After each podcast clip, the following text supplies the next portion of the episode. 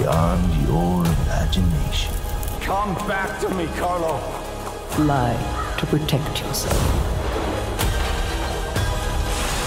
You stole my sister from me, rotten puppets! Be careful, clever one.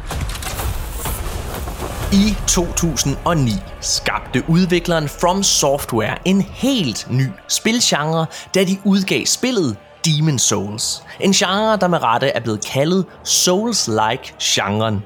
Siden da har mange andre udviklere forsøgt at inkorporere genren i deres egne spil. Alt fra Star Wars Jedi Fallen Order til indie-titler, som sidste års Tunic har forsøgt. Men ingen er for alvor lykkedes med genren på samme måde som genrens skaber selv, From Software, der de sidste mange år har spyttet det ene Souls-like hit ud efter det andet. En hitrate, der for alvor kulminerede med sidste års salgshit Elden Ring. Men i 2019 blev Lies of P annonceret, og mange fik øjnene op for titlen, da den på mange måder lignede en spirituel efterfølger til From Softwares elskede Bloodborne. En titel mange Souls-like fans sætter enormt højt. Lies of P er udviklet af sydkoreanske NeoWiz Games og Round 8 Studio, og spillet er interessant af flere årsager, men måske særligt på grund af sit univers og sin historie. Spillet er nemlig en nyfortolkning af den klassiske Pinocchio-fortælling. Lies of P fik hederlige anmeldelser, da det blev udgivet, og er blevet kaldet det sværeste Souls-like spil til dato. Men er spillet godt, og kan det konkurrere mod From Softwares titler? Alt det og meget mere skal vi finde ud af nu.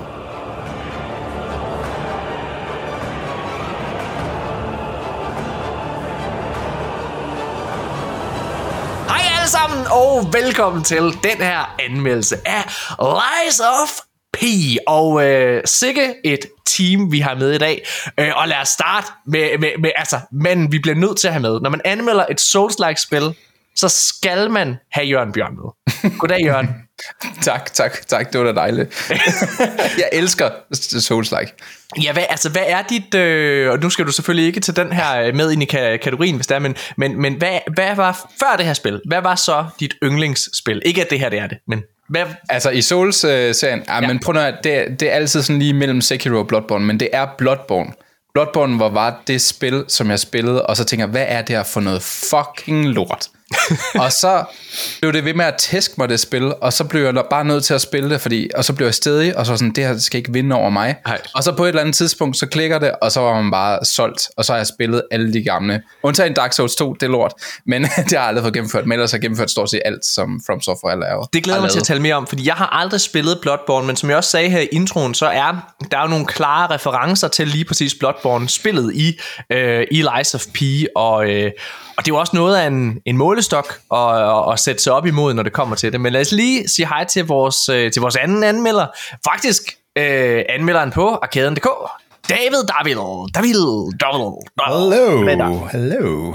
Hvad så, Hej? David. Kører det? Du, øh, er du, er du Souls-like fan? Jeg er, jeg vil næsten sige, jeg er blevet en hardcore Souls-like fan. I hvert fald for From, from Software-spil. Mm. Øhm, som jeg også skrev i anmeldelsen faktisk, så er det det spil, der faktisk åbnede min, min verden for, hvad et ordentligt spil er. Altså førhen, ja. så har jeg altid spillet spil og gennemført dem og hurtigt videre.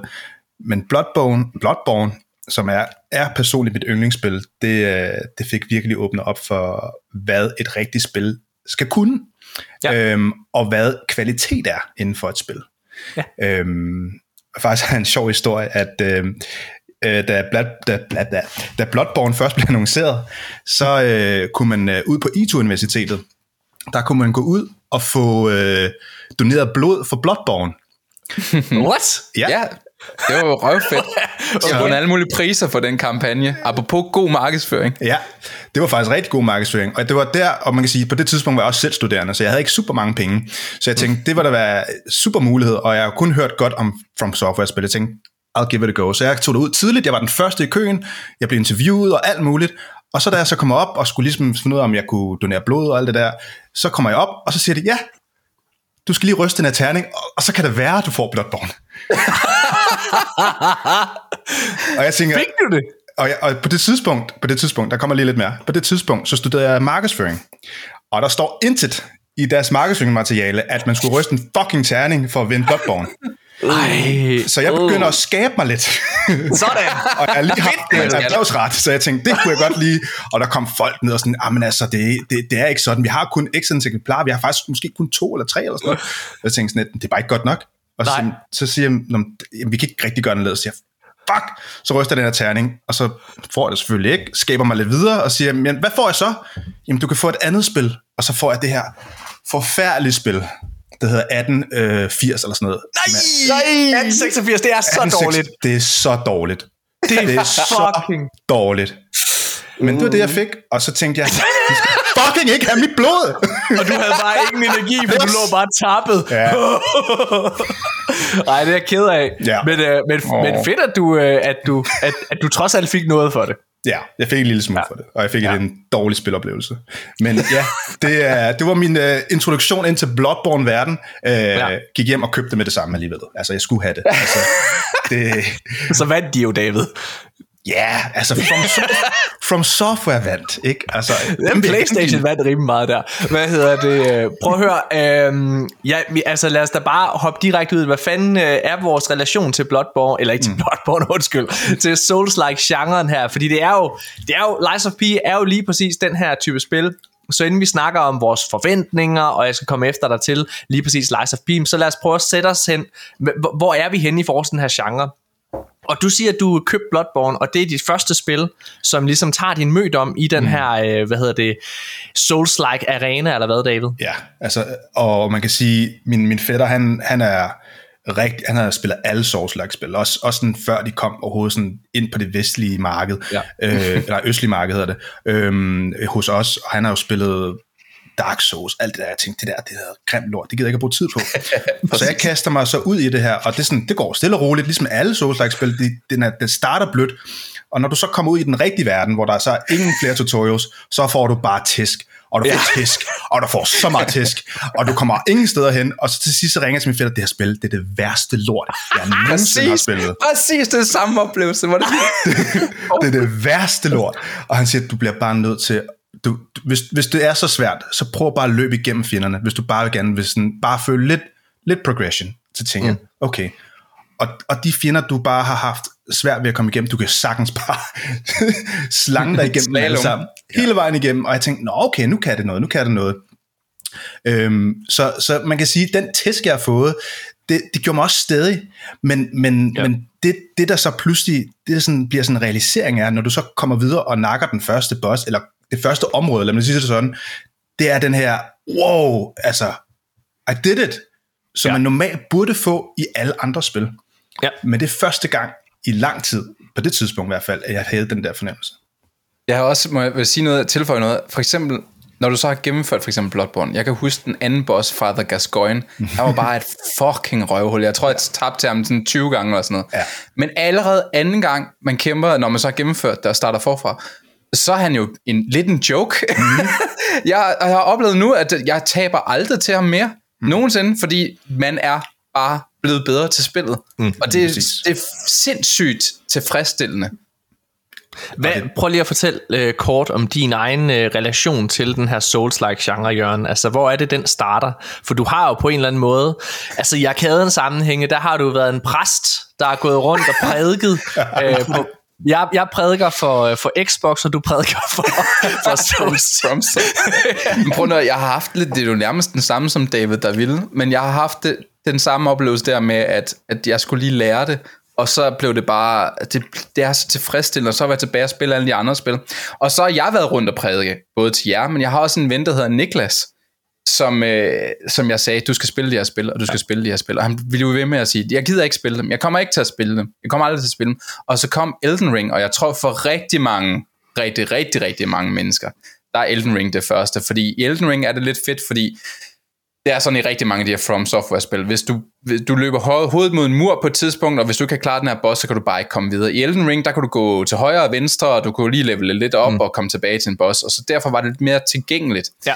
Men det var gateway-drugget for Niklas, og nu har han gået tilbage og spillet alle de andre, og han elsker dem, og nu er han blevet fuldstændig ligesom sådan en missionær som mig, der går rundt og siger, I skal simpelthen spille From Software. Det, det, det er et pyramidespil. Ja, fuldstændig. det er bare, når du først har fået noget af det gode crack, så skal det bare... Jeg, øh, jamen jeg, kan jo, jeg kan jo lige fortælle lidt kort omkring min egen relation til, øh, til Souls-like-genren, fordi den starter slet ikke på samme måde som jeg. Øhm, jeg, jeg får sådan en bagdør ind i, øh, i den her verden, og tilbage i sådan slut 90'erne, øh, start 2000, så LucasArts, øh, ejerne af Star Wars, de lavede alle mulige kloner øh, af populære øh, spilgenre. De lavede Dark Forces, som var en Doom-klon, og altså, øh, hvad hedder, lavede Knights of the Old Republic, som var en Baldur's Gate-klon, øh, hvad hedder det. Og de lavede så også det her spil øh, senere, eller undskyld, tilbage i 2019 må det være. Jeg hoster lige to sekunder. Fedt nok. Hvad hedder det? Jeg kunne bare lige mærke, det, var, det, det kom til at irritere mig, hvis jeg skulle slutte det. Nå, hvad hedder det? Øhm, men så tilbage i 2019, der lavede de så en Souls-like klon til, hvad hedder det, øh, til, hvad hedder det, øhm, det her spil, der hedder Star Wars Jedi Fallen Order. Og Ligesom at Star Wars på mange måder har været min indgangsvinkel til skydespil, og jeg skal komme efter dig, så, så har Star Wars også formået at være den her, min indgangsvinkel til Souls-like-genren. Fordi Star Wars Jedi Fallen Order, selvom det ja, på ingen måde er lige så rendyrket og svært et spil som de almindelige Star Wars, øh, undskyld, Dark Souls spil og så videre, så har du helt klart snærten af det, og du har det her, du skal parry, du, altså modstanderne er, er svære hele vejen igennem og så videre. Og øh, det er en af de bedste Star Wars oplevelser, jeg har haft nogensinde Jedi Fallen Order. Måske overgået af Survivor, som kom, øh, hvad hedder det, tidligere i år. Men, men det var også lidt en realisering, da jeg sad og spillede det, fordi da jeg havde spillet det, så havde jeg længe haft en irritation på Ubisoft-spil. Og det her, lidt som du siger, David, det her med, at når man besejrer noget, en modstander, eller klar en bane, eller andet, at, det, at du har den her, wow, fuck, jeg gjorde det, øh, altså øh, oplevelse. Den havde jeg med Jedi Fallen Order. Så den, der var et eller andet, som blev indfriet i min tilværelse. Og så faktisk, så var jeg sådan meget stedig med, at jeg ikke gad Souls. Altså sådan, nej, men jeg gad ikke, det er ikke noget for mig. Men Elden Ring kom, og Elden Ring var jeg også meget stedig med, det gad jeg fandme ikke det pis. Men det, der solgte mig på Elden Ring, det var et lille indie-spil, som hedder Tunic, som jeg faktisk også nævnte her i introen. Tunic er en hybrid mellem et Dark Souls-spil og et Zelda-spil. Og jeg elskede det. Jeg elskede Tunic så meget. Og så tænkte jeg, okay, Måske kan jeg godt lide den her genre, og vi havde på det en tidspunkt haft Jørgen Bjørn med i øh, podcasten for første gang, der havde, der havde slået på den tromme med, at Ubisoft var, Ubisoft var bare noget fucking lort, man! Fuck Ubisoft! Og deres lortespil, og tænkte, okay, måske har han fat i noget, for jeg havde lidt den samme holdning. Og så købte jeg Elden Ring. Og jeg har gennemført Elden Ring, og Elden Ring var på mange måder en religiøs oplevelse. Det var, det er første gang, jeg har spillet et spil, som jeg følte næsten respekterede min tid hele vejen rundt. Jeg synes, det er for langt. Men det er, det, e- det er den eneste anke, jeg har til spillet. Men, det, men, men, men, men spillets progression, exploration, open world elementet, der har ikke været et spil endnu, som har været på lige så højt niveau, som Elden Ring har været i forhold til de her ting. Og da jeg havde spillet det, så tænkte jeg, okay, måske kan jeg faktisk godt lide den her Souls-genre. Men nu skal vi jo snakke om Lies of P. Og Lies of P er jo øh, en af de her udfordrere til tronen. En af de her spil, som vil gå ud og øh, udfylde et tomrum, om man vil. Når det kommer til øh, de her From Software titler. Jørgen, hvornår fik du øjnene op for Lies of P? Det var en, en af de her podcasts sammen med jer. Ja. du sagde på et tidspunkt, har du ikke set Lies of P? Hvad fuck er Lies of P, sagde jeg så. Ja. Og så sagde jeg, det er et nyt Souls-like, og det ser ud som om, det, bliver, det har vundet alle mulige priser til sådan noget best of show og sådan noget. Og så søgte jeg på det, tror jeg, under podcasten, og så var jeg sådan, det ser jo godt ud. Ja. Det ligner noget, jeg godt kan lide det her. Men ellers så havde jeg overhovedet, altså det har slet ikke været på min radar overhovedet. Sådan slet ikke. Ja. Hvad med dig, øh, David? Jamen, jeg tror heller ikke... Jeg, jo, faktisk, øh, det er også, da vi talte øh, på sådan en, en tråd på Facebook, Morten. Øhm, jeg tror, du spurgte mig, hvad, hvad var det en af de spil, jeg så mest frem til? Så nævnte jeg sådan en liste, hvor Lords of the Fallen faktisk var en af dem, hvor du så kommenterede og sagde, ja, men der er også det her Lies of P, og så tænkte sådan, Lies of what? Ja. Og så Var det din første anmeldelse hos os? Nej, det var, øh, det var det der Nintendo Switch-spil med noget Fairy Farm. Hvad hed det? Jeg kan ikke huske det. det var ikke særlig souls -like. Nej, det lyder ikke sådan. Men det var okay, det kunne også noget. ja. øhm, men nej, så, så da, da du ligesom introducerede mig til det, sådan, prøv lige at tjekke det ud, og så gik jeg ind og kiggede og tænkte, hold da kæft, jeg fik pludselig sådan et, er det Bloodborne? Altså, det var lige det mm. første, jeg tænkte, fordi mm. den der dystre tone og altså, øh, de der gader, det, det, det tog mig direkte tilbage til, til Bloodborne. Ja. Men før det, nej, havde aldrig, og jeg tror heller ikke, jeg ville have prøvet at spille det, hvis, hvis jeg ikke blev sådan, jeg synes ikke rigtigt, der har været så intens markedsføring på Nej. det, som, som mange andre spil i år, øhm, og det, det er selvfølgelig lidt ærgerligt, øhm, men da jeg ligesom gik ind og kiggede på, hvad, hvad de har lavet før, så blev jeg også lidt skeptisk, fordi de har jo Ja. ikke rigtig en, en baggrund inden for, for Souls-like. Nej, øh, og det er et ret stort, øh, altså ret stort team faktisk. Jeg tror, der er 800 øh, mennesker i det hele, som har siddet og arbejdet på det her spil her. Øhm, og det er jo mange mennesker, men som David siger, det er nogen, som ikke rigtig har, i hvert fald ikke lavet spil i den her størrelsesorden. Og det virker som om, at, at det måske også lidt selv er, er en overraskelse for firmaet, at det var så stort, fordi de havde det med tilbage i 2000 og, åh, øh, 21 har jeg lyst til at sige, eller 22 i hvert fald til Gamescom år, hvor de, hvor de havde sådan en beta, og havde også en beta i sommer for den tages skyld, og var meget hurtige til sådan at prøve at inkorporere alt den feedback, de nogle gange fik. Øhm, så jeg tror, det har været en overvældende oplevelse for dem. Øhm, jeg, jamen, jeg har faktisk været ret interesseret i det her spil. Øh, hvad hedder det? Til at starte med, så var jeg interesseret i det, fordi det var sådan et Game Pass-spil. Øh, og hvad hedder det, jeg vidste ikke, at vi skulle til sådan at, at anmelde på den måde i podcasten, som, øh, som, som vi har gjort her det sidste års tid. På daværende tidspunkt, så tænkte jeg, fedt mand, det er da nice, det er et stort AAA-agtigt øh, spil, det, det er fedt, den kom på Game Pass, det glæder jeg mig til. Det så fedt ud, og hele Pinocchio-loven og sådan nogle ting, øh, synes jeg også var spændende. Lad os hoppe direkte ud og snakke om, hvad, hvad I så synes omkring øh, spillet her. Fordi, altså, hvad, hvad, hvad, var din, øh, hvad var dine forventninger, David, altså inden, og har det kunne indfri det? Øh, mine forventninger var, altså, fordi jeg så, at det lignede meget øh, Bloodborne, og jeg har savnet et Bloodborne remake, fordi jeg har, haft, jeg har brug for en eller anden undskyldning til at gå tilbage. Jeg har platmet det, og jeg har spillet DLC'en. Jeg har bare brug for, at de laver en remastering af det spil. Så jeg så virkelig meget frem til det her spil, og håbede på, at de ligesom kunne, kunne ligesom vække noget nostalgi i mig. Og det gjorde det altså. Det, det, Okay. Fra, fra allerede, når man starter spillet i den der togvogn, så, så kunne jeg allerede mærke det der Bloodborne-vibe, altså den måde øh, movement var, lidt fast-paced, øh, og, og lidt mere simplificeret i forhold til, til, til Elden Ring. Øhm, Mm. det, øh, det kan også noget. Det behøver ikke at være stats fra A til Z. Det kan godt være, du ved, bare lige fire main ting, eller tre main ting, som, som man skal have fokus på. Så jeg var, jeg var ecstatic, da, det her, da, da jeg trådte ud af den der togvogn. Det var jeg virkelig. Hvad med dig, Jørgen? Var du også ecstatic? Altså i starten var jeg også, jeg var helt oppe at køre også over, at settingen er super spændende allerede fra starten, øh, hvad der foregår. Og det, som David også er inde på, det minder meget om Bloodborne til at starte med. Der er nærmest den samme trykkende atmosfære, og alt er sådan, alt er uhyggeligt og skræmmende, og jeg ved ikke helt, hvad der foregår. Jeg vil gerne finde ud af, hvad der foregår, og hvad, hvorfor sidder vi i den her togvogn, og hvorfor er vi forladt, og hvad det, der foregår. Øhm, og jeg, altså, jeg synes, det er et godt spil.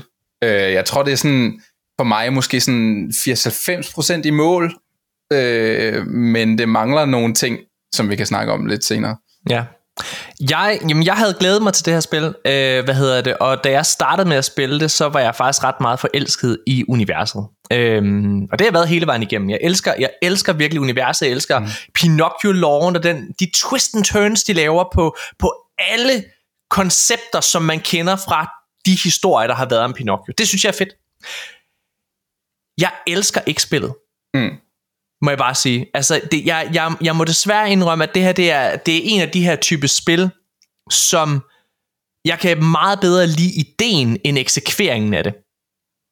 Og jeg glæder mig rigtig meget til at diskutere det her, fordi nu, nu kommer jeg simpelthen med, en, øh, med et vildt statement. Er I klar? Kom med det. Det er ikke engang et statement. Det er, det, det, det er mig, der... Det er mig, der lige tager, tager ærlighedsknappen på. Jeg har ikke gennemført det her spil. Fordi Det du er ikke helt kan. Jeg, øh, jamen det kunne, det, altså hvad hedder det, øh, jeg vil gerne fortælle, hvorfor jeg ikke gjorde jeg, jeg, jeg har ikke gennemført det spil, jeg er stoppet efter 22 timer, og øh, det er faktisk fordi, jeg fik nok af det. Mm. Jeg, jeg, jeg føler, øh, og, jeg, og, og det er rigtig vigtigt at sige, fordi for at komme med min kritik, så kommer jeg til at drage rigtig mange paralleller til både Fallen Order og Survivor og Elden Ring særligt. Men jeg har så mange problemer med det her spil, øh, i forhold til selve grundgameplayet. Jeg føler simpelthen, at det er for svært. Og, øh, og, og jeg, jeg, må, grunden til, at jeg stoppede, fordi jeg stoppede, og jeg havde, du ved, jeg havde, jeg, jeg er øh, ved den aller sidste boss i kapitel, enten 7 eller 6, sådan, ha, lidt over halvvejs i spillet. Jeg havde lige slåsset mod sådan en kæmpe stor fucking clown. Mm. Som er sådan en fucking clown. Ja. som, er, som, som, var, som var mega svær, og så lykkedes det mig at, at, at klare den. Øh, og så kommer man videre ind, man kommer ind i sådan et stort museum af en eller anden art, og så møder du en eller anden kæmpe stor boss. Øh, eller undskyld, sådan en prins, tror jeg faktisk, han er. Eller eller andet. Sådan en eller anden dukke, øh, hvad hedder det, som du, som du kæmper mod. Og jeg havde, jeg havde op til flere gange, du ved, mødt, øh, løbet panden mod muren, mm. og du ved, den der stedighed, som også har været i alle de andre Souls-like-spil, hvor der er, man har følelsen af, fuck mand, det her spil skal bare ikke få mig ned med nakken, mand, og jeg gør det. Men der er et problem i Lies of P for mig, og det er, jeg, jeg føler simpelthen ikke, at Lies of P respekterer min tid. I, i, i, i Jedi Survivor, og okay, lad os tage Elden Ring i stedet for, fordi Elden Ring er et, et rent soulspil, ikke også? I alle de boss encounters og steder, der er i Elden Ring, så forstår jeg altid, hvorfor jeg taber en kamp. Jeg føler altid, ah, det er fordi, jeg ikke fucking er opmærksom på hans moveset. Ah, det er fordi, han gør det der, og jeg skal lige huske det til næste gang, jeg går ind og, øh, og klare encounteret. Men sværhedsgraden på de her bosser, og verden i det hele taget, i Lies of P, den er så høj, mm-hmm. at jeg havde den her, jeg havde den her følelse af da jeg havde klaret den der boss der, det føltes, det føltes altid mere heldigt, at jeg vandt end fortjent. Og så havde, da jeg kom til den her efter klart den er fucking clown, og var kommet ind til den her, øh, den her boss der, så havde jeg bare sådan en, en følelse af, ved du hvad, det her, det gider jeg ikke. Det er, ikke, altså, det er så meget get good. Nu skal jeg tilbage, grind noget mere, for lige at komme op i øh, stats på det her. Ved du hvad, det, det respekterer ikke min tid. Det gider jeg simpelthen ikke bruge min tid på. Og det er, det er vanvittigt, at det føles så uforløsende at vinde. Altså, man havde, jeg havde i Elden Ring, det var altid sådan en ekstatisk følelse, når jeg klarede en af de her legendariske bosser, der var. Det føltes sådan, wow, fuck hvor fedt, jeg er så vild, mand. Jeg lige, jeg nailede det. Det føles altid bare... Det føles som om, du laver din skatteopgørelse, når du spiller det her spil nogle gange. det føles altid bare, det føles altid bare fucking heldigt i, uh, Lies of P. Jørgen, er du... Altså, fordi jeg anerkender jo, at Nej, øh, I har jo gennemført Jeg er det. helt enig. Jeg, Er du jeg, enig? Jeg, jeg, jeg er fuldstændig enig. Jeg har øh, skrevet ret mange ned, for jeg har haft tid, også haft ret meget tid til at tænke over det spil. Og jeg tror, jeg ved, hvad det er. Jeg har lavet nogle algorier, som også kommer i min øh, konklusion. Ja. Så det her spil er jo meget, meget tydeligt. Altså, jeg, vil, jeg har ikke lyst til at sige rip-off, men vi er virkelig tæt på af, af tidligere From Software-spil. Og nu prøver jeg at komme med en algori, og jeg skal prøve at præsentere den så godt som muligt. Så, så når From Software laver et nyt spil, så tager de egentlig grundindsenserne, insenserne, de tager, øh, de tager mel, de tager sukker, de tager øh, gær og smør og så videre, og så laver de en ny donut. Så hvis, Blood, øh, så hvis de laver et nyt spil, så, så er for eksempel Bloodborne, det er bare en donut, men det er med himbær inde i. Hvis de har øh, Elden Ring, så er det med vanilje, og hvis de har Dark Souls, så er det med chokolade. Det er ikke det, det her spil gør. Det her spil laver en donut, men de propper både himbær, de propper chokolade, de propper krømmel, de propper fucking tun, de propper alt muligt ovenpå, Ja. som jeg ikke gider forholde mig til. Præcis. Jeg er fucking træt af, at jeg sidder og kæmper mod en eller anden fucking fed boss. Så skal jeg sidde og holde øje med durability på mit våben. Jeg skal, i forhold til Sekiro, som faktisk er rimelig tilgivende med, hvornår du blokerer, så skal du være sådan hyper præcis her. De fleste bosser har mere end en fase, og de er meget anderledes, de her, øh, de her faser, så du skal lige pludselig uden at lære sindssygt meget. Mange af angrebene her kommer faktisk væsentligt hurtigere end almindelige From Software-spil, så jeg er svært ved at reagere, især da jeg spillede på min tv-skærm. Det var 100% umuligt. Jeg blev nødt til at sætte mig foran min gaming-skærm, og så blev det sådan manageable. Og det var fuldstændig sådan sindssygt. Derudover, for eksempel debuffs i det her spil. Debuffs gør ikke én ting. De gør altid to ting.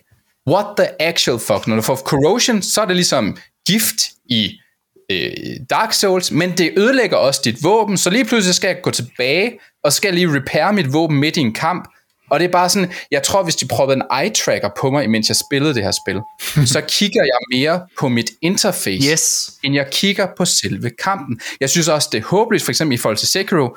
Det er meget tydeligt, når du har blokeret nok, så sætter en fjende, fjende sig ned, når du har ødelagt deres posture, så har du faktisk lige sådan en, en puster, også i, i Bloodborne, du har en puster til lige at sige, åh, oh, okay, jeg fik ham, fuck, det føles godt, jeg går lige over, og så kommer der den verdens fedeste animation, og så flækker du en. Her, hvis du har ødelagt en fjendes posture, så øh, skal du stadigvæk ramme en fjende med et hårdt angreb. Mm. Og det er bare sådan, i forvejen, i forhold til hvor hurtigt de angriber, så er det bare virkelig svært at, at angribe en fjende, og det er ikke altid, det giver mening at ramme den med det her gode angreb, fordi så meget skade tager de heller ikke. Så det er bare virkelig, ja, det, der er så mange der er så mange mechanics, der strider i alle mulige retninger, hvor jeg bare er sådan, please bare lad mig fokusere på at, at, at kæmpe og dodge og blokere, og lad mig, det skal føles godt, når jeg gør det. Fuck, hvor Ja. er jeg glad for, at du siger det her, Jørgen. Jeg er så glad for, at du, at du er med mig her, for jeg har været bange for den her anmeldelse. Jeg har været bange for at skulle blive udstillet, altså for at jeg var doven og ikke gad at forholde mig til jer, fordi jeg, jeg havde nemlig den her oplevelse af, at, og jeg skal nok give dig ordet lige om lidt, David. Jeg havde den her oplevelse af, at jeg Jamen, du ved, så gik jeg tilbage, så grindede jeg i fucking to timer. Jeg vinder så guides på, uha, hvis du grinder her, så tager det kun fem timer, og så får du bare... Jamen, jeg gider ikke spilde min tid på fucking grind. Jeg vil spille spillet. Og det er jo sådan, i Elden Ring, jo, jeg tror, der var et sted, hvor jeg sad og grindede en lille smule, for at få nogle, nogle af de her fucking point for at level op. Men det var altid noget, der kom super naturligt progression i det. Og alle våben, du er lidt inde på det, øh, Jørgen, alle våben i, i, øh, i Elden Ring og andre Souls-spil, jeg har spillet, er ret enkle. Så du ved, det er gameplayet, og der er sådan meget få ting, du i bund og grund skal forholde dig til, og så, sid- du, så du sidder totalt investeret i de kampe, der er. Det er, i hvert fald- det er i hvert fald min oplevelse. Og det, og det er nok også derfor, det altid føles så fortjent, fordi det er dig, der sidder i kontrol. Men i Lies of P, der er der så mange andre ting, der konstant går ind og påvirker den her kamp, og tingene bliver totalt rando ofte. Altså det er det der med, at det føles så uforløsende at gennemføre en, en, en kamp. Og igen, det var, det var virkelig... Jeg havde prøvet den her kamp der i to gange, og så jeg sad bare og stoppede op, ved du hvad? Mm. Der er så mange spil, jeg skal spille i, hvad hedder det, i forbindelse med podcasten her.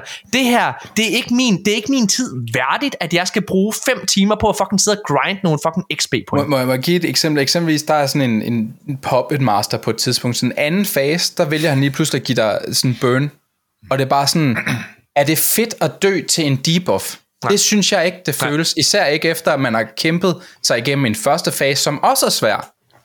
Og så skal jeg lige pludselig manage et eller andet fucking burn, jeg ikke gider, fordi jeg ikke lige per- perfekt parried fem gange. Jeg kan ikke huske, der er nogen From Software-spil på den måde, hvor du hele tiden skal manage debuffs og sådan noget i selve boss fights. Og må jeg fortælle noget, som jeg synes, der er... Altså, det var faktisk noget af det, der, det her, det ødelagde mig lidt en lille smule, ikke? Så der var nogle af de her, hvad hedder det, der var nogle af de her boss fights, og igen, David, du får ordet lige om lidt. Hvad hedder det? Jeg har bare, det har brændt ind i mig, det her, okay? Der er, øhm, der er på et tidspunkt, hvor jeg har ret svært ved at klare en af de her, øh, en af de her bosser. Jeg tror, det er sådan en præst eller et eller andet lort, jeg har svært ved, som er sådan, forvandler sig til sådan en kæmpe stor æderkoppeorm eller et eller andet lort, øh, med to hoveder mm. i hver ende. Og øh, det der, øh, det, det, den, den havde jeg lidt svært ved. Og så var jeg inde, og så fandt jeg sådan en cheese, og det var sådan, så fandt jeg ud af, at hvis du, hvis der, der er sådan nogle, øh, der er sådan nogle ting, du kan kaste med, sådan noget ild og noget elektricitet, mm. du kan kaste med. Og det var bare sådan, Nå, men hvis du bare lige køber dem her, så one-facer du. Og det er jo sådan, nå okay, det her det er jo bare opskriften på alle, svaret på alle kampe.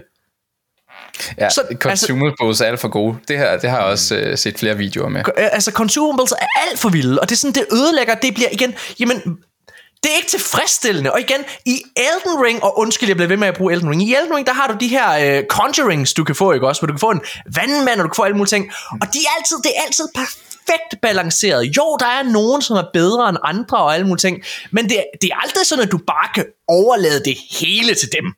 Du bliver nødt til selv at være opmærksom. Undskyld, vi snakker meget. David, der vil. Du elsker det her spil. Øh, ja, altså, det, det I nævner der, det er også, man kan ikke sige, at det er mit største kritikpunkt, fordi jeg synes ikke, det var så frustrerende, når jeg tænker tilbage, da jeg spillede spillet, fordi jeg synes faktisk, det var en meget fed måde, det der med, at man, man slæbede våben under kampen, øh, den havde en meget fed effekt, at man kunne smide de der Det føles som om, jeg laver momsregnskab, sorry. Ja, nej, men det, det var meget hurtigt, synes jeg. Det var ikke, jeg synes, ikke, det var, fucking nederen. Du skal jo stadigvæk trække dig tilbage, og så skal du stå der og sådan, jeg vil hellere være oppe i hans face, og så dodge rundt om ham. Men jeg følte bare, for eksempel den der King Pocket, King Pocket, King Puppet, som jeg virkelig havde svært ved. Det er den boss, jeg tror også, du var ved, øh, Morten. Den havde jeg fucking svært ved. Det var simpelthen der, hvor jeg ramte min mur, og det, mm. og det, hvor, hvor jeg virkelig sad og tænkte på, jeg kommer ikke til at kunne nå at anmelde det her spil, fordi jeg kan simpelthen ikke komme igennem ham her. Især anden fasen med det der flamsvær, hvor jeg bare fuldstændig blev derailed ja. hver gang. Øh, og, der var, altså, og, og, og man kan sige, der hvor min største kritik er, er, som du også nævnte, Jørgen, omkring parry-systemet, man skal være fucking præcis. Altså jeg følte, mm. jeg følte at jeg, jeg var lidt heldig, at jeg spillede Sekiro så meget, som jeg har, fordi jeg følte, at jeg var ret god, øh, og jeg har gennemført det spil masser af gange, hvor, det, hvor, hvor parry er key, men mm-hmm. her følte jeg bare nogle gange, at jeg blev lidt snydt, øh, eller, ja. eller der Ja, var et, boss er snyder. Ja, et, fjender. et eller andet, der bare ikke rigtig gjorde. Og det samme med, med dodging, der, der er noget i From Software, der har et eller andet øh, frameskip. Det er der overhovedet ikke det her. Altså, du kan blive ramt af en usynlig tunge, eller et eller andet, som bare slår dig ud af din combat animation. Øh, Og, og hvis jeg må byde ind der, David, Ja. ja. på det du siger, fordi det er lige, lige præcis det her med, at det er, det føles nemlig lige præcis som om, at de snyder. Det føles som om, at de lige har et nyt trick op af ja. ærmet, som bare one, altså shotter der nærmest på en eller anden måde. Mm. Men det der også er mit problem med det her spil, det er faktisk, at jeg synes, environments er for punishing i det. Og jeg vil gerne komme med et konkret eksempel, som altså pissede mig fucking af. Kom med det. Der er på, det er, øh, det, det er forholdsvis tidligt i spillet. Der, øh, hvad hedder det, der skal du ind i sådan et, øh, et chapel, et, øh, øh, sådan en stor kirke, og du, du skal bevæge dig på sådan nogle, øh, hvad hedder det, sådan nogle små tynde brædder. Og så er der sådan nogle zombie-lignende robotter på en eller anden måde, som er efter dig. Og du skal bevæge dig på de her tynde brædder. Og hvis du falder ned, så dør du. Så er du, mm. så er du død. Mm-hmm. Og så skal du starte forfra ret langt tilbage. Og gå på de fucking brædder, mens at der er de her fjender, der skyder ting efter dig, som gør, at du flytter dig på de her små brædder. Og selv hvis du parryer dem, så flytter du dig. Det vil sige, så rykker du dig på den her tynde bræde. Jeg døde alt for mange gange på de her brædder. Og det synes jeg, og det var bare sådan et eksempel på, hvor jeg synes, at det var, det var totalt utilfredsstillende. Det var så snyd. Jeg følte hele tiden, at jeg blev fucking røvrand. Og lige nu der kan jeg se David, han rækker hånden op for at og hvis sige jeg, noget her. jeg føler, at jeg ved, hvad han vil sige, men jeg, så sige, kommer jeg David? til at angribe ham lige bagefter. Hvad vil du sige, David? Hvad fuck vil du sige? Hvad vil du? Kom med det, David. jeg synes, det var noget af det nemmeste. Knip dig selv. Altså, og, og, og prøv at høre, Morten, fordi det er rigtigt, men det, det, det, det jeg godt kan lide ved de her spil, er, at, Jørgen, op, at, at, man, at man skal tænke sig lidt om. Knip dig op. Jamen, du bliver må jeg, lige, må jeg også lige bryde ind her, fordi... Ja, nu skal, jeg skal sige, hvad du skulle have Okay. gjort. Du skulle have, du ved, der er de her Legion Arms. Og der er en Legion Arm, der har en, en er det er også det, du tænkte, jeg vil sige, Jørgen? Nå, okay. Men der er Ja, en den der med snoren i, det er den brugte jeg Ja. også. Ja, og der kan du jo, der bruger du jo dem som, øh, man kan sige, en pæl, hvor du bare kaster det over på den anden side. Nemt. Det kan du ikke altid i dem. Åh, Det, altså, du kan, der, der, der, er, der er jo, der er jo, ja. Okay, færdig. Okay. Nå, men det var generelt til, jeg tror du skulle til at sige, altså det minder om, altså der er rigtig mange ting, der minder om tidligere Dark Souls-spil. Mm. Og sådan noget, også noget med, at vi går op på de her planker og sådan noget. Hold kæft, men det er som om det her spil har bare tænkt, åh, det er fedt forresten, det der med, at øh, her, der er der faktisk, du går over en bro, og så falder broen ned. Hvad hvis vi gør det hver anden gang i spillet? Mm. Det er fucking belastende, hvor Dark Souls er sådan, vi gør det en gang, bare for fuck med dig. Her der er det konstant. Jeg vil blive sindssyg. Så har jeg jo noget andet. Jeg, okay, en af mine eneste kritikpunkter, punkter, tror jeg, ved Sekiro, det er, at øh, der er et level up system, hvor du skal unlock nogle abilities, mm. og du har en ret vigtig ability, der hedder Mikili Counter. Den er ikke luk- lukket op fra starten. Det synes jeg er lort, fordi alle burde det synes jeg faktisk er super irriterende, det her spil, fordi for nybegynder er det irriterende. Det her spil gør det her gang 5. Ja. Du har så mange abilities i det der fucking P-organ, som gør spillet lettere, som er sådan noget med, at hvis du lægger dig ned, kan du nu trille. Ja. Det gør, det er sjovt nok pænt meget nemmere at spille, når du har sådan nogle helt basic fucking abilities, mm. som jeg godt kunne tænke mig at have fra starten. Det synes jeg er fucking belastende også. Og jeg er helt enig, fordi de, det, det der P-Organ-system, det kommer i træder første kraft alt, alt for sent. Ja. Altså, og der er, det, der er sådan et dodge move, som er simpelthen er essentielt. Mm. Hvis du ikke har unlocket det, så, altså, så, så er du fucked. Helt Ja, fucked. præcis. What the fuck? Men, Altså- men det igen, det er det der med, at det føles bare så fucking ufortjent, når det er, at, at man, altså, når man dør. Altså, det føles så unfair. Og jeg, jeg er så glad for, at I siger det her. Jeg er virkelig, virkelig glad for, at du faktisk, Jørgen, øhm, siger, at, at du har de her kritikpunkter. Nej, fordi nu skal jeg fortælle jer. Fordi jeg har længe gerne ville spille Sekiro. Sekiro er et spil, som jeg rigtig gerne ville spille. Men da jeg sad og spillede det her, så tænkte jeg, okay, hvis det her det er i gåsøjne den rene Souls-like øh, mm, oplevelse, mm, mm, så skal jeg aldrig spille det. Nej, nej, nej, nej, nej. Det, Det her, det er helt tunet op til... Det er virkelig som om, de har taget alle idéer, og så har de ikke, de har ikke skåret væk for et, på et tidspunkt. De har ikke, de har ikke taget deres egen retning. Det er Nej. det, jeg prøver at forklare, mm. fordi det er meget sådan, I- når From Software laver et nyt spil, så, så, så fjerner de lige så meget. Altså, de smider lige så meget ud. Og så ja. for eksempel bare det der med at Bloodborne, det er så simpelt, de fjerner skjold, og så er det bare det, at når du angriber, så får du liv tilbage. Det gør, at spilstilen er super aggressiv. Det er sådan det eneste, jeg pillede ved, egentlig. Og så sørger de for ikke at tilføje for meget. Her der er der bare tilføjet 40.000 ting for meget. Ja. Jeg, jeg, jeg, jeg, jeg, blev, jeg blev så frustreret over det, men, men noget, af det der, noget af det, det her spil også har gjort, og det er derfor, jeg nævner Elden Ring så meget, det her spil har fået mig til at værdsætte Elden Ring og From Software langt mere, end jeg har gjort før. Fordi det er virkelig vanvittigt, at de er, altså selv Jedi Survivor, som jeg virkelig godt kan lide. Der er simpelthen, det virker i hvert fald som om, at From Software, de har fundet en perfekt balance mellem sværhedsgraden, øh, altså hvor det er svært, og det er fucking punishment, men aldrig så punishing, at det ikke bliver, at det bliver nederen at spille. Fordi det er sådan, det var med det her spil for mig. Det her, det blev nederen at spille. Det blev en chore, og det blev sådan...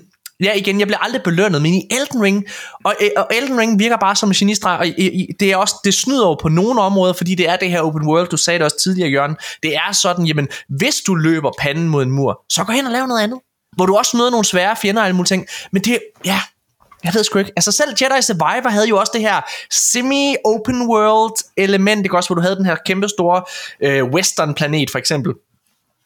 Hvor du også bare kan gå på opdagelse, og så møder du de her fucking tough bosses, øh, altså øh, fra, fra tid til anden i, i Jedi Survivor. Men jeg følte altid, min tid, den var belønnet. Og jeg følte, at alle game mechanics, apropos Elden Ring og From Software, i Jedi Survivor, så er alle kampelementerne så enkle. Du ved, du kan slås med to mm-hmm. lysvær, du kan slås med et lysvær, du kan slås med sådan et stort lysvær, men der er meget få ting, du ellers skal forholde dig til. Så har du det force, som du kan bruge, mm. du ved, som du vil, men det er ret simpelt. Og den simplicitet, den, find, den fandt jeg også personligt i Elden Ring for eksempel. Men den er bare ikke til stede her. Det hele, det er, det hele det er bare sådan en masse stats, og du skal forholde dig til alt for mange ting, og det ødelægger simpelthen Øh, oplevelsen. Tag to våben sammen, og hvad gør det, og hvad smadrer jeg som et våben, og jamen, fuha, jeg, kan, jeg, jeg, synes, det for, jeg synes virkelig bare, det her spiller for meget. Ja. Men det er sjovt, fordi det, det, altså, det synes jeg faktisk ikke, det er. Altså, det, jeg kunne faktisk godt, det, det er rigtigt nok, det, der er mange kompleksitet, altså det er meget komplekst meget af det, men når man har sat sig ned i det, og det er også det, det er også det, Morten, man skal, tiden, det er måske ikke særlig respekteret, øh, og der er ikke super meget guides i løbet af det her spil, især når man, jeg føler mig i hvert fald, jeg er ret rutineret, øh, men, men jeg kan godt, godt lide, når jeg bliver ligesom mødt med noget nyt, der udfordrer mig virkelig godt, fordi det, jeg, jeg havde intet problem op til den ene boss, og efter det var det bare en leg igen. Så det er okay. også derfor, jeg var så frustreret. Men, men jeg synes faktisk, alt op til var en leg for mig. Jeg synes simpelthen, jeg gled igennem det hele. Det siger synes, helt klart noget om dit niveau, mm. David, fordi jeg, jeg, for mig så var det sgu ikke, altså, jo, jeg, så, åh, det er jo her, hvor jeg er, det er her, hvor, hvor, øh, hvor jeg er virkelig splittet. Fordi jeg har også positive ting at sige, og det skal man heller ikke, man skal ikke glemme det. Nej. Fordi jeg elskede at bevæge mig rundt i verden. Og jeg elskede faktisk, jeg elskede, jeg elskede alt det, der ikke var bosskampene. Jeg elskede, jeg elskede, du ved, en til en combat og sådan nogle ting, at bevæge sig rundt, se loven og læse små sædler og alle mulige ting.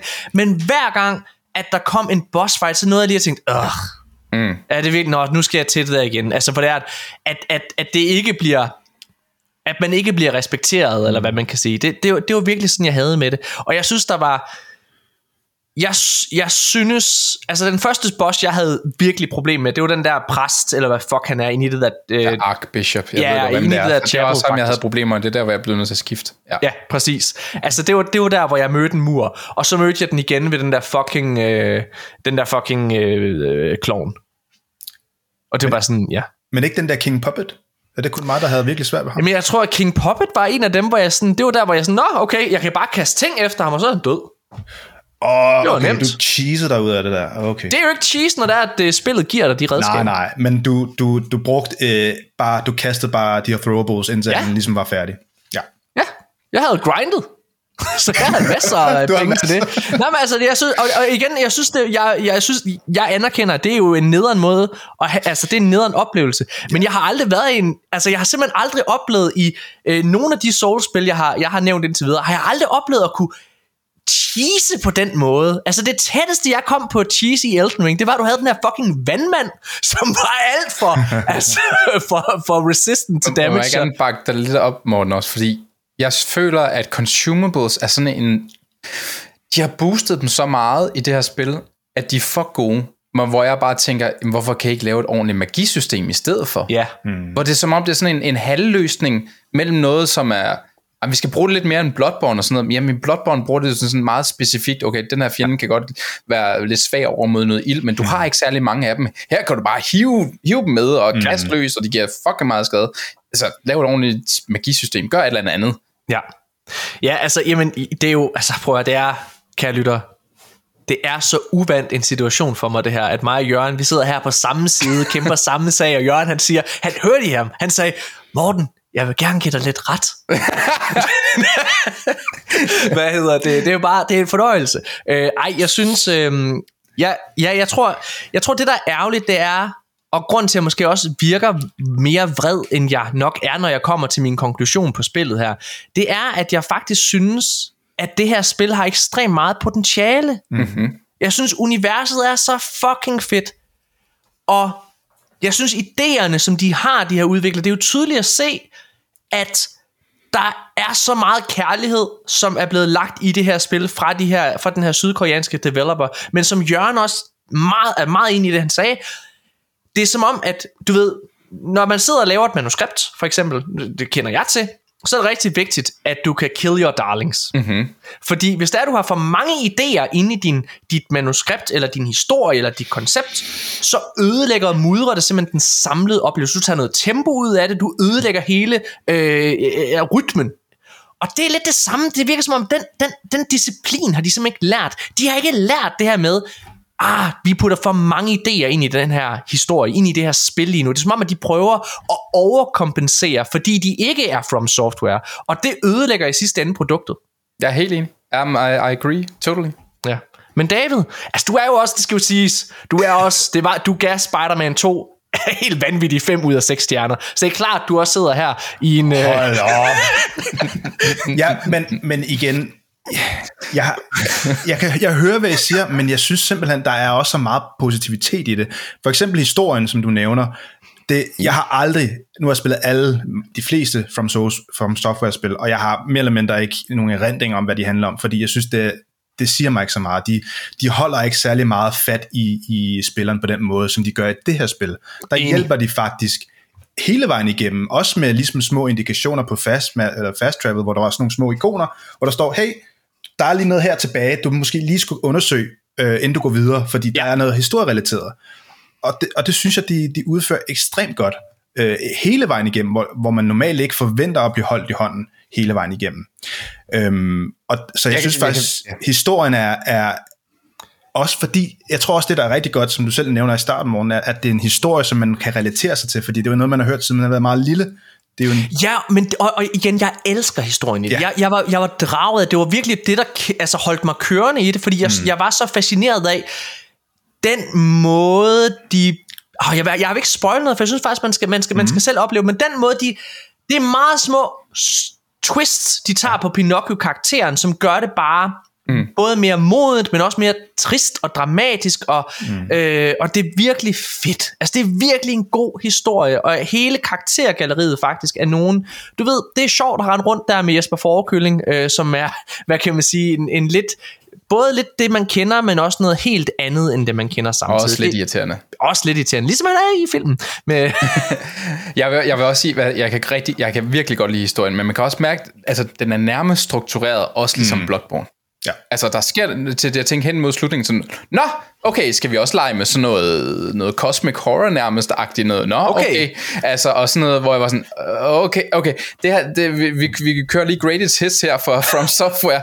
og så vil jeg også sige, altså, historien, fordi den tager dig så meget i hånden, så ved jeg også, hvad det handlede om, 100%. Ja. Hvor jeg stadigvæk føler, når jeg har Bloodborne, så har jeg tolket rigtig meget. Mm, det, ja. det, jeg tror ikke, jeg kommer til at tænke på Lies of P-historien, om fem år. Jeg tænker stadigvæk på Bloodborne-historien nu, fordi den ikke har givet mig alle svarene. Noget af det, jeg Men den er stadigvæk god, undskyld. Den er stadigvæk noget af det, jeg lå rigtig meget mærke, eller prøvede at lægge rigtig meget mærke til, mens jeg spillede det her. Vi havde øh, tidligere i år, øh, Jørgen, der havde vi sådan en episode, hvor vi kårede vores bedste musik.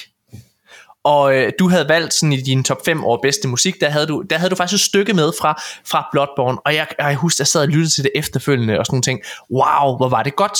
Så jeg sad og prøvede at lytte, okay, kan de få noget af den, mm. den stemning ind i det? Og det, det, det, musikken er ikke forfærdelig eller noget som helst, men den er heller ikke på det niveau, som har været både i Elden Ring i min optik, men også i, i hvad jeg har hørt til Bloodborne. Det er jeg enig i. Ja. Men det er David ikke jo, fordi du er jo, du er jo vanvittig. Jamen altså, jeg er bare, jeg er bare sådan lidt i chok over, at I synes, det var så svært. Det var voksenmobning her. Nej, slet ikke. Det har gjort det nemmere senere. Det er åbenbart væsentligt nemmere nu. Jeg, jeg har ikke været inde og prøve det endnu. Men... Det, det, jeg, det kan jeg også skrive under på, fordi jeg, jeg så vi optager det her ret sent, den her anmeldelse og sådan mm. nogle ting. Og jeg har spillet Lies of P to omgange. Jeg spillede det lige, vi fik koden inden det blev udgivet mm. overhovedet. Der spillede jeg det. Og så spillede jeg det igen her for altså to uger startede jeg, øh, siden startede jeg så igen, og der kunne jeg altså godt mærke et, et, et, et, et skift i, øh, i sværhedsgrad. Ikke nok til, at det har ændret på den mm. øh, holdning og så videre, det jeg har haft indtil videre, men, men der er et skift. Det er blevet lidt nemmere. Øh, og, og der er ikke nogen tvivl om, det de også vinder på, altså det er de går ind og sparker til din stedighed, din stolthed som gamer. Det er den, de sparker til. Og, de, og på en eller anden måde, så bliver du offer for det her Stockholm-syndrom på en eller anden måde. Mm. Fordi den svinger dig til at sige, det her, det, du, du finder dig ikke i, at den her idiot kan klare dig, vel? Altså sådan... Men for mig så var det sådan bare, at det, jeg, jeg, jeg, jeg blev... Jeg, jeg, jeg, jeg er enig. Jeg synes, også, jeg synes stadig, det er svært, fordi... Øhm, jeg kan huske, jeg tror, jeg skrev i vores chat, at jeg synes, øh, vi plejer ikke at sige så meget, men jeg sagde, jeg synes, det her, det er rigtig svært. Fordi ja. jeg klarede Fallen Archbishop, og det er den fjerde boss. Og jeg tror, den poppede op på det tidspunkt, der var 3%, ja. som havde gennemført den her boss. Jeg kan se, den er steget til 20%, men det er 20%, der kom forbi den fjerde boss. Ja. jeg synes, det er meget lavt. Jamen det er nemlig, altså hvis jeg skal prøve at komme med, en, øh, altså med lidt stats i, sådan, i forhold til, hvor, hvor, hvor stor completion rate for eksempel er. Øh, Spider-Man 2 for eksempel, der er, der, øh, der, der er completion raten, raten så høj, at den er højere end folk, der har gennemført Starfield. Det er selvfølgelig også meget to forskellige spil. Altså Starfield er et spil, du kan, du kan forsvinde i altså mm. på mange måder, fordi det er, det er så stor open-ended. Men alligevel det der med, at Spider-Man 2, som er et relativt nyt spil, har en højere øh, hvad hedder det, procentdel. Altså det, det, det fortæller jo bare, at folk, der gamer, vil gerne spille, de vil gerne fordybe sig, de, de går ikke bare ind og døber tæerne, mange går ind og prøver at gøre et spil færdigt, det gør, så det er bare det, jeg prøver at fortælle. Så det, at der kun er 20%, der har gjort altså klaret fjerde bossen i Lies of P, det siger noget om, hvor mange, der har løbet altså, hovedet mod muren. Til gengæld har det jo også været en del af Game Pass, øh, og derfor så er der jo også mange, der har haft muligheden for bare lige at se, at det her er noget for mig. Mm. Jeg tror, problemet med Lies of P for mig i sidste ende, det er, at det ødelægger lidt, det mudrer signalet om Souls-like genren. Altså, fordi det for mig, hvis du ikke havde sagt det, Jørgen, så havde det her spil været grund til, at jeg ikke gad prøve mm. Sekiro. Jeg, har, jeg, jeg sidder lige nu, jeg har lige søgt på statsene, og det er nemlig også, synes jeg, er ret vigtigt at sige. Sekiro har omkring en 30% gennemførelsesrate på Steam, og det her det er nede på 10% eller sådan noget. Ja. Altså 100, der er et eller andet, der, der er tunet forkert, og jeg taler om, det tror jeg i min, når vi skal snakke om når, spillet, når vi snakker om resultater, konklusioner, whatever. Jeg føler, det her procent det her spil måske har 90% korrekt, men de der 10 sidste procent vægter sindssygt meget. Jeg, det, det, det er virkelig forskellen fra dem her, og så From Software, og jeg har ikke haft nok respekt, tror jeg, for From Software laver, og det har jeg nu. Jamen, jeg, jeg, jeg er så enig med dig. Altså, det har virkelig har været en åbenbaring for mig, Lies of P, men, men til From Softwares fordel. Altså, hvor fucking dygtige de er mm. øh, til, til det. Og, og ja, igen, den, den simplicitet, som, som er inde over det. Jeg tror, jeg tror, det der er interessant med, med, med Lies of P også, det er, at det her det bliver jo en franchise. Altså der er allerede, det har solgt ret godt, de havde fået en ret god deal via Game Pass og sådan nogle ting, så de har allerede været ude og annoncere, at der kommer et nyt spil, og der er en uh, angiveligt, jeg har ikke fået den set, men der er den her, hvad hedder det, easter egg, altså sådan en post-credit scene, som, mm. uh, hvad hedder det, som uh, introducerer en ny karakter mm. uh, og et nyt univers. Og det synes jeg er spændende, mm. fordi med alt den kritik, jeg har, så vil jeg bare samtidig sige, at jeg er så klar på det næste spil, de laver. Præcis, enig. Vi, snakkede her forleden dag, øh, faktisk i vores øh, Arkaden-chat, om vi gad, gad at se et dansk spil, en dansk spiludvikler, der tog H.C. Andersens eventyr ja. og lavede et Souls-like. Måske Tom Elise eller sådan noget. Jeg, jeg tror, du har nogle børn, der skriger ja, i baggrunden. Jeg tror måske, hun er ved at få skiftet blæ eller et eller andet. Hvad fanden foregår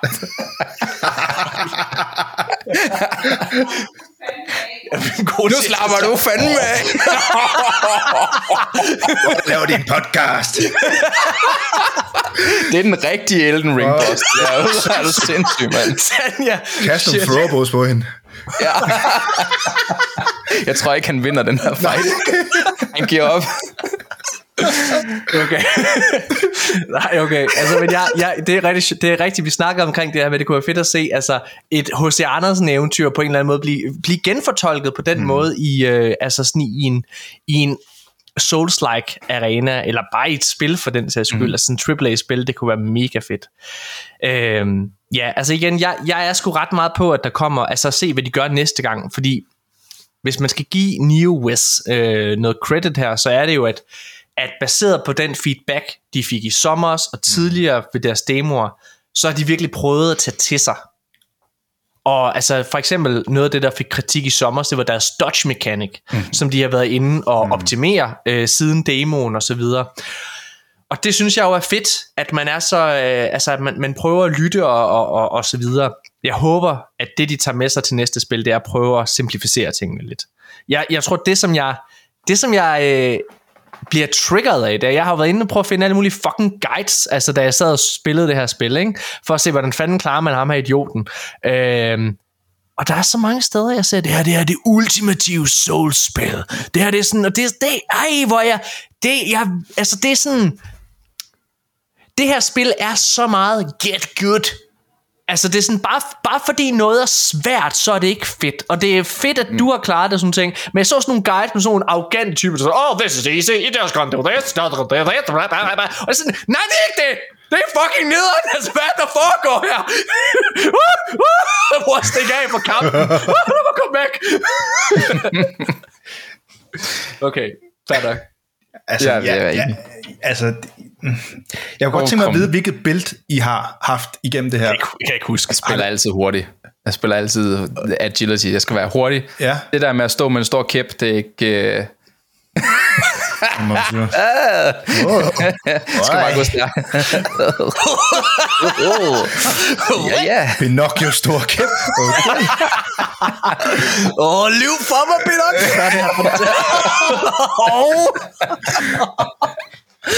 okay. hvad hedder det? Wow, shit. Nej, hvad hedder det? Prøv skal vi ikke... Øh, skal vi ikke prøve at komme med vores konklusion til det her spil? Den danser vi også meget rundt om den varme grød. Det kan være, at det sætter tingene lidt i perspektiv. David, Oh, har du lyst til at komme med en konklusion på det I her spil? Og vi giver jo fra for min- 1 til 6. Jamen, der kommer noget positivitet. Ja. Alright. Det her er sådan en, jeg tror faktisk det meste af det fra min anmeldelse for arkaden, som man også kan gå ind og læse. Øhm, efter at have tilbragt omkring 25 timer i Krats dystre verden, har jeg kun lyst til at vende tilbage og udforske den endnu mere. Lies of P er et spil, der belønner gentagende genspillinger, da din valg har afgørende konsekvenser for historien. Beslutningen om at lyve eller fortælle sandheden kan ændre spillets udfald og motivere dig til at tage forskellige stier i tilbagevendende playthroughs. Udforskning af områder, du måske har overset, og eksperimentering med forskellige våbenkombinationer giver spillet en betydelig gen- genoplevelsesværdi. Og det er svært ikke at blive draget ind i Crash dystre og meget fascinerende univers. Spilverdenen følger en mere lineær struktur, særligt i sammenligning med El- Elden Ring, som har vist, at et spil i denne genre også kan udmærke sig i et open world format. Trods dette er verden rig på detaljer, hvilket understreger, at spil ikke nødvendigvis skal være open world for at opnå kvalitet og dybde. Lies of P er mere end blot endnu en, en klon af Souls-like-spillerne. Det formår at bringe det bedste fra genren sammen med nyskabende idéer og udfordringer, der vil tilfredsstille både erfarne Souls-like-spillere og nybegyndere i genren. Round 8 Studios og NeoWiz Games første forsøg på at skabe et Souls-like-spil viser at være et overraskende succes, og det antyder spændende muligheder for deres fremtidige projekt. projekter. Lies of P får min varmeste anbefaling, især til dem, der elsker udfordrende fantasy action RPG-spil. 4 ud af 6 stjerner. Den varmeste anbefaling alligevel. Nå, jamen, det kommer selvfølgelig også fra Spider-Man 2. Elskeren David David. Men Oh, yes. 4 ud af 6. Det lyder da ikke som en 4 ud af 6 anmeldelse, synes jeg. Det lyder som en 10 10 ud af 10 anmeldelse. Altså, det, det, den, den fik jo, altså den, jeg tror, at jeg har ligget mellem, altså den vil nok, hvis jeg kunne give det, så ville det være 4,5. Men altså, Ja. Mm. jeg kunne enten runde op eller ned, og jeg tror, jeg tror, inde på anmeldelsen har jeg givet den 8. Øhm, ja, det var dengang, vi havde fra 1 til 10. Ja. Ja, lige præcis. Ja. Og, og man kan sige, at, at der, hvor, hvor min største kritik, det når jeg nok ikke rigtig nævne i den her konklusion faktisk, når jeg tænker over det, det er jo primært, øh, at, at jeg føler bare, From Software gør det bare stadig meget bedre. Det er stadig det, jeg har lyst til at spille, når jeg har spillet spillet. Mm-hmm. Øhm, og det er også der, jeg synes, de fleste skal starte. Men, men jeg kan godt se, at, at det, det er ikke altid der, at det er nemmest, og det er nemmere bare, du ved, at køre de her mainstream-spil, der kører, øh, fordi det, det bliver måske lidt for Japanese for nogen, øh, hvor det her, det er meget subtle på en eller anden måde. Øh, men men, men at, at høre jer, der har haft virkelig svært ved det, og alle de her mechanics, som bare har været øh, en, en forhindring og, og et minus i spillet, det, det, det, det kan jeg godt reflektere i og sige, men det er jo det er måske afhængigt af, hvordan man er som spiller.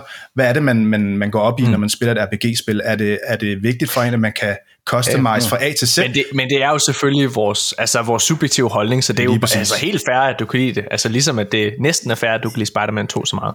Oh. Jørgen, hvad hedder det? øh, Hvad er din konklusion på det her spil? Lies of P er et imponerende Souls-like. Det er i grunden nok 90% i mål for mit vedkommende. Det har en spændende historie, fed stemning, fede locations og noget ret tight core gameplay. Mit problem med spillet er dog de sidste procent, 10, de sidste 10%, som bare ikke er i mål for mig. Og de 10% vægter desværre virkelig tungt for mig. Okay, så hvis jeg kan lave en algori for at forklare forskellen på Lies of P og From Softwares titler. Når From Software laver et nyt spil, så tager de egentlig grundingredienserne fra deres tidligere spil og ændrer på en enkelt ingrediens. Så hvis- hvis deres, så hvis deres spil eksempelvis er en donut, så havde Bloodborne marmelade indeni, Sekiro havde chokolade indeni, og Dark Souls havde vaniljekrem.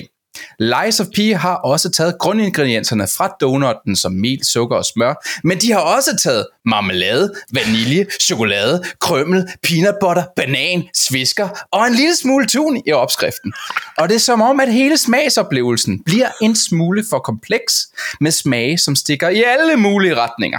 Jeg bruger for meget tid på at bekymre mig om våben, som går i stykker, udenadslærer af bosser, som har lige en lille tand for hurtige angreb, irriterende debuffs, som aldrig gør én ting alene, et for komplekst og så videre. Jeg er ofte ret irriteret, når jeg spiller Lies of P. Og jeg kan godt tåle at høre, at I siger, at det er et skill issue, for jeg har fucking gennemført deres spil, så fuck jer. Jeg føler bare virkelig, at det kan føles som at lave sin skatteopgørelse, når man spiller for det skulle for meget at holde styr på, udenom de seje kampe, som jeg igen hellere vil have fokus på. From Software har mange, mange år på banen, og de har gjort brugt mange år på at gøre deres formel perfekt, og jeg må dog sige, at hvis Lies of P er studiets første forsøg på et Souls-like, så er det fandme godt gået. Yes. Men jeg håber eddermame, at de strømligner en efterfølger lidt mere. 3 ud af 6 stjerner for mig. Bum. Lad mig komme min. Lies of P er et klasse eksempel på et spil, hvor jeg langt bedre kan lide ideen end udførslen.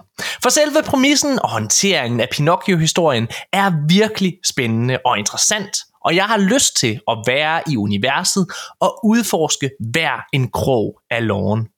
Men spillet er simpelthen for svært. Og problemet er, at spillet er svært bare for at være svært. Jeg kan godt lide Souls-like-genren, men jeg føler ikke, at Lies of P respekterer min tid som spiller. Hele verdenen er så straffende, og alle bosser og minibosserne er straffende på en måde, der simpelthen fjerner fornøjelsen. I et spil som Elden Ring, så forstår jeg altid, hvorfor jeg dør i en kamp, men i Lies of P er sværhedsgraden skruet så højt op, at det sjældent føles retfærdigt, når man dør. Og værst af alt, så føles det derfor heller ikke tilfredsstillende, når man så besejrer en boss. Det føles ofte bare heldigt, og sådan har jeg aldrig haft det i andre Souls-like spil. Ikke desto mindre så er loven, historien og universet dybt fascinerende, og jeg ser faktisk meget frem til næste spil i den her franchise. Forhåbentlig så kan udvikleren der ramme noget af den balance i sværhedsgrad, som From Software har mestret gennem årene. Lies of P får 3 ud af 6 stjerner af mig. Bum. Boom. Man. Læg mærke til det. Jørgen og Morten på samme hold.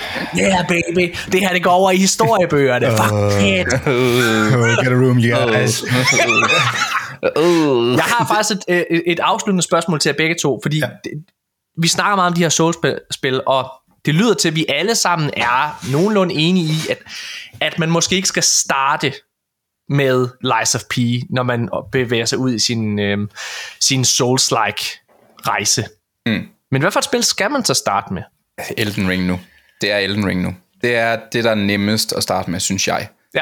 Fordi du kan gå igen, hvis det er det der, fuldstændig, det er bare det der med, at hvis du løber mod en boss, der er for svær, så kan du gå et andet sted hen. Det ja. kan du sgu ikke. Altså Sekiro, hvis du ikke kan komme forbi, så er du sådan lidt, så er du fucked. Ja. og det er du også tit i Bloodborne, især i starten. Starten mm. er virkelig svær i Bloodborne, og så bliver det lidt, egentlig lidt nemmere senere. Men, men uha, ja. Okay. Elden Ring. David? Jeg vil faktisk sige, uh, Demon Souls remaket til PlayStation 5, den, den synes jeg faktisk er uh, hvor overraskende nemt, da jeg spillede det første gang. Og jeg tror, at den, jeg tror, jeg ved ikke, om de har gjort det, men jeg har aldrig spillet Demon Souls, før de lavede det her remake til PlayStation 5. Jeg har lige gennemført det igen, må jeg, oh, jeg hader dig. er det rigtigt? Hader du det, nej, nej, jeg hader dig ikke. Jeg hader dig ikke. Nej, jeg har lige gennemført det igen. Men ja. det har for, det, der, det bosser er bare, synes jeg, hver anden boss er sådan en, en gimmick boss, der er, mm. synes jeg, er rigtig slatten. Jamen, altså, synes du, det var svært? Nej, jeg synes ikke, det er svært, men Nej, jeg nej, synes lige ikke, det er et godt Demon, jeg synes ikke, det er et godt From Software-spil. Nej, Man kan nej, godt nej. mærke, det er det første, så derfor vil jeg hellere have, at de 100 startede med Elden Ring. 100 procent. Jeg tror bare, jeg er bare bange for, at Elden Ring er for svært for mange. Altså, øh, dem jeg ligesom prøvede, at ligesom, jeg kan huske, at Elden Ring først kom ud, og jeg tænkte, det her det er fucking godt, det skal jeg altså prøve. De gav op alt, alt for tidligt, hvor jeg tænkte, "Mm, du skal bare lige over på den anden side, du skal bare lige have hesten, bare lige få hesten. så, så, så bliver det meget sjovere, og sådan, jamen, jeg Jeg, jeg, må- jeg må faktisk indrømme, jeg tror for, for mig så for Elden Ring, altså det var, det var en af de, og faktisk hele startområdet, mm. og den første boss også og så videre, det synes jeg er noget af det bedste mm. gameplay, jeg nogensinde har oplevet, fordi jeg har aldrig nogensinde oplevet før, at være bange og sidde og tænke så meget på, når man gik ind i hver eneste combat. Mm. Og det er fedt. Altså det er igen, fordi igen, balancen er fantastisk. Hvad hedder det? Og det er det der med, uha, tør jeg satse og så beholde de souls point, eller hvad fuck det hedder mm. i det spil, øh, eller, øh, og gå videre, øh, eller skal jeg, skal jeg gå tilbage igen og få dem her brugt nu? Og Mm. den der risk-reward ting, ja. der er kørende for dem, den er bare, den er fantastisk i Elden Ring. Jeg, jeg er faktisk ret enig i, Elden Ring er et virkelig, virkelig godt sted at, at, at starte. Hvis det er, man kun lige vil døbe tæerne i genren, så, så vil jeg altså lige sige, sådan, også ud fra min egen historik, hmm. Jedi Fallen Order ligger på øh, EA Play Game Pass. Den, det, den, den ligger lige til højre benet, og den er, den er ikke lige så svær på nogen måde, men den har elementer af gameplay, og det der med måde, man gemmer på ved det et bål og alle mulige ting. Altså, det, prøv det. Og væsentligt mere mainstream, og der er en historie, man kan følge med i, og bla bla Ja. bla. Lige præcis. Nu ved jeg ikke, om vi Hvad skal... har været... Ja, Ja. det var bare i forhold til det, vi snakker om lige inden vi optog. Det var øhm, øh, Lords of the Fallen. Mm. Er det, Lad os, lad, lad, lad, lad, lad, os- lad, lad os gemme den snak. Til, det, vi skal ikke anmelde, men jeg har lyst til at gemme Lost of the Fallen. Men jeg, kan, jeg vil gerne... øh, Okay, øh, en lille teaser. En lille Hvad hedder. Det er det? Men jeg vil, gerne, øh, jeg, vil gerne, jeg vil gerne høre til gengæld... Det har jo været et interessant år, for der har været ret mange øh, udfordrere til den her From Software trone. Lords of the Fallen er et bud, Lies of P, Jedi Survivor for fuck's sake, altså, Ja, ja. Øh, og selv, øh, Armored hvad hedder Core også lidt. Jeg skulle lige til at sige Armored Core, og anmeldelsen, den kommer, jeg tror, den er udkommet, måske når den her øh, episode kommer. Men hvad hedder det? Armored Core for eksempel er også et sted, hvor, hvor, hvor From Software nytænker, eller i hvert fald går tilbage til, til, til tegnebrættet, altså i forhold til, mm. hvad hedder det, til deres øh, skabelon. Og øhm, hvad, har været, hvad har været det bedste From Software-spil i år? Sådan, altså from Jamen, jeg har, jamen, jeg har Souls-like. altså sådan noget Souls-like. Souls-like, ja. Jeg tror sgu øh, indtil videre, så... Øh, jeg har jo ikke spillet Survivor, og det Nej. tror jeg nok er, der, er nok det, men jeg skal lige have spillet det. Men det er, altså, selvom Armored Core ikke er det, så mens jeg spillede både det her, og så det andet spil, vi snakker om, vi ikke må snakke om, så tænker jeg, hold kæft, hvor vil jeg bare gerne spille Armored Core igen lige nu. Ja. ja. Jamen, det er sjovt, altså det er sjovt, fordi jeg, jeg Armored Core er et spil, som er jeg, jamen, jeg, jeg hyggede mig sgu nok egentlig også okay med Armored Core. Altså, jeg kan faktisk ikke huske, hvad det var, jeg gav det, men jeg, men jeg, jeg har gode minder omkring det. Mm. I hvert fald modsat det her. Og det er igen sådan et sted, hvor balancen bare var rigtig fed. Og igen, det er slet ikke lige så svært som deres traditionelle, hvad hedder det, From Software-spil. Jeg må nok sige, Souls-like, ja, ja, ja, for mig så er det Jedi Survivor. Fordi mm. Jedi Survivor lænder sig endnu mere ind i, øh, hvad hedder det, From Software øh, arv, eller hvad man skal kalde det. Øhm, men ja, altså, for, og jeg synes faktisk, Respawn, som jo i forvejen er et vanvittigt talentfuldt studie, de viser med det spil, at, at de fanger særligt den her... Er du, er du, er du startet på det, Jørgen? Nej, men jeg vil starte på det. Det er Ja. på min liste over, Ja. sådan, det skal jeg have snus til, før mm. året er slut. Der er, en, der, er, der, er sådan en, der er sådan en stor main planet, som har sådan en western ting, og der, er- du, der er, du har, du får lige lov til at snuse til noget af det, der gjorde Elden Ring til Elden Ring. Forstået på den måde, du kan gå på opdagelse, så kan du gå ned i en hule, finde en Rancor, og du, du ved, og så skal du slås mod den, eller du går over og finder en, en, en gammel, øh, hvad hedder det, øhm, en gammel øh, lille by, øh, sådan langt væk, hvor du skal slås mod en eller anden, altså du søger jæger og sådan nogle ting. Så og, og, og, du når lige at snuse til det der, der gjorde Elden Ring til Elden Ring, uden at, putte, at sammenligne dem. Hmm. Ja, al- altså From, uh, Survivor, det er altså et spil, som... Øh, som har fået, øh, den er gået lidt under radaren på en eller anden måde for mange, Ja. og, og måske også modtaget lidt for meget hate i min optik, men altså, ja. Ja, okay. Cool. Jeg tror, der var en PC-udgivelse, for folk er stadig sure over. Og det forstår Nå. Nå. jeg godt. Det var øh, igen, altså det er jo en EA, klassisk EA-beslutning. altså ikke også, øh, jeg kan huske dengang vi fik koderne til Jedi Survivor, vi fik det tre dage før, og der stod i den der NDA, vi fik, this is, altså bogstaveligt talt, this is coming in hot. altså, så det er tydeligt, du ved, altså udvikleren har bare haft en pistol for panden fra, øh, fra EA, øh, som siger, vi skal have det her spil ud nu, og deres PC-version var, som så mange andre PC-versioner i år, var bare ikke klar til det, og de skulle have valgt at fokusere kun på konsoludgivelserne, så tror jeg, det havde været en anden samtale, vi havde haft nu. Helt sikkert. Jeg mener også, det tragiske er, at de stadig ikke har fikset det, og det er et halvt år efter, Ja. så Ja. vidt jeg forstår på det. Ja, er der en nogen, der ved, hvordan The Last of Us har det på PC? Er den blevet fikset? Det er fikset lidt, men jeg tror stadigvæk ikke, det er op til snuff heller Det ikke. er sindssygt. Der må simpelthen... Ja, nå, okay. David, har du noget, du vil byde ind med her på falderæbet? Jamen, det var bare fordi, hvis jeg skulle nævne mit yndlings souls spil i år, Ja, kom med det. så kan jeg ikke sige det. Du kan ikke sige det. Nå, det er fordi, det er det spil. Nej, okay. Er det, er det, er det Lords of the Fallen? Jeg, jeg vil sige, ja, det er jo ikke fordi, det er mit yndlingsspil, men der, der, jeg har haft været igennem en, en, en mærkelig rejse med det spil. Ja. Øh, fordi jeg fik en, en early code, og, og, og der, der, det har sgu vokset på mig på en eller anden måde igennem Ja. den Hvad, rejse. hvad spiller du på? Hvad spiller, må, må jeg høre, hvad spiller 5. du på? PlayStation 5. Okay. Det, Jamen, det det spil jeg har, øh, har, har virkelig, altså, det, kunne noget. Ja. Altså, det kører som hot garbage på Xbox. Det forstår jeg simpelthen. Det gør det overhovedet ikke. Det gjorde Ja, men altså, det kører fucking elendigt. Jeg har faktisk aldrig spillet et konsolspil, der kører. Hvis du dør og kører i dødsverden, mm. Mm. så spiller du med, tror jeg, 5-10 frames færre. End Nej. noget. Det er...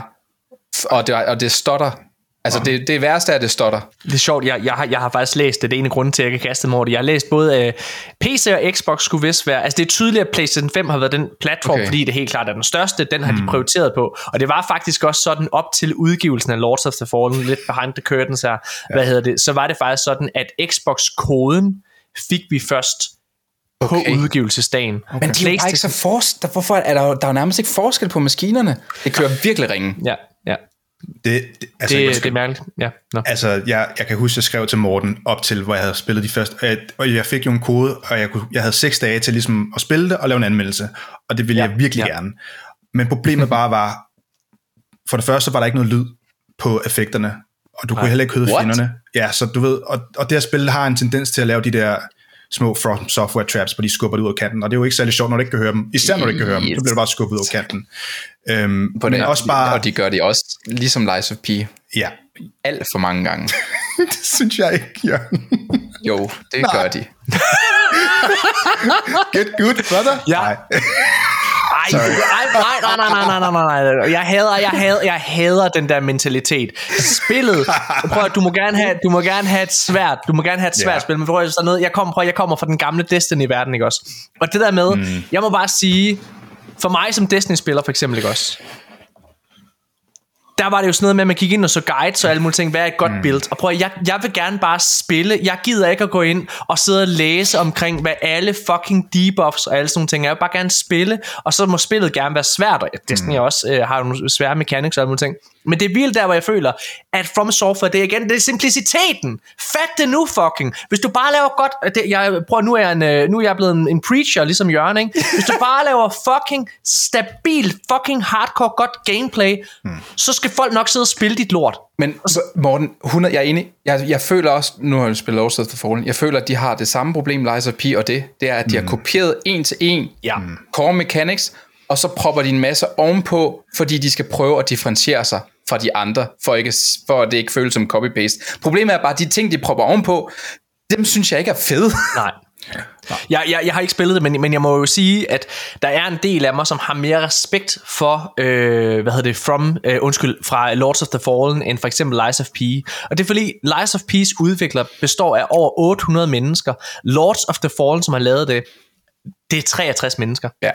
Der, og der er simpelthen, jeg synes, jeg synes, at det er ret flot, når jeg sidder og kigger på det, men jeg har også, jeg, igen, jeg har set boksen, du har jo fuldstændig ret i det, du siger, Jørgen, men, øhm, men ja, altså prøv, det er et spil, som jeg gerne vil prøve på et tidspunkt, mm. øh, også fordi vi, vi nåede at snakke med dem ned til Gamescom. Ja, og de var det super søde. Super kæft, de søde. var flinke. Ja, øh, og jeg er glad for, at du godt kan lide det, øh, David. Altså, det er mega fedt, og det lyder ja. til, hvis man har en Playstation, så lyder det til, at så kan man jo roligt investere i det. Det, det, og det er også fordi, man kan sige, man kan sammenligne de to spil. Altså, det er jo, det er jo Bloodborne versus Dark Souls, kind Ja, det er altså, ja. Og, og det er jo, det, der er jo nogen, der er mere til det der Dark Souls, og der er nogen, der er mere til Bloodborne. Det er der mere fast-paced, ikke så meget clunkiness. Og så er der ja. nogen, der har bare behov for at have en lidt mere større skill tree, har mulighed for flere forskellige typer våben og armor sets, alt det der. Øh, og, og det er måske lidt mere personligt. Jeg kan godt lide det der nørderi, kompleksitet og, og sådan noget, ligesom Elden Ring. Det er det, det, jeg mest lænder mig hen imod Ja. øhm, når man ikke kan få Bloodborne Remastered eller Bloodborne 2. Lad os håbe på, at det kommer. Altså, jeg i hvert fald... Jeg, jeg, du, den her anmeldelse har gjort, at nu, nu lover jeg næste år, der kommer der en anmeldelse af Sekiro i podcasten, og det glæder mig fandme til. Kan, kommer du ikke, du kan også komme forbi her, så optager vi det. Altså, så, i hvert fald de første to timer, så lægger vi det op. Åh, oh, det kunne være sjovt. Så sætter vi podcastmikrofoner op. Ej, det være godt. Åh oh, nej, jeg vil ikke, folk må ikke se mig dårligt. Ja. Ej, prøv. Mine damer og herrer, tusind tak, fordi I har lyttet med. Det har været vores anmeldelse af Lies of P. Hvis man er nysgerrig på det her spil, så ligger det altså på Game Pass, øh, og alternativt, så kan man jo købe det både på PC og på Xbox, øh, undskyld, på Playstation også. Øh, hvad hedder det? Det var i hvert fald en anbefaling fra David. Øh, og hvis man har dårlig smag og godt kan lide Spider-Man 2, så vil man måske lide det her. Mine damer og herrer, Spider-Man 2 er et fint spil, skift stop. det var også lidt overvurderet. Øh, men mine damer og herrer, vi øh, ses igen i næste uge. Hej! How many broken hearts? How many atrocities?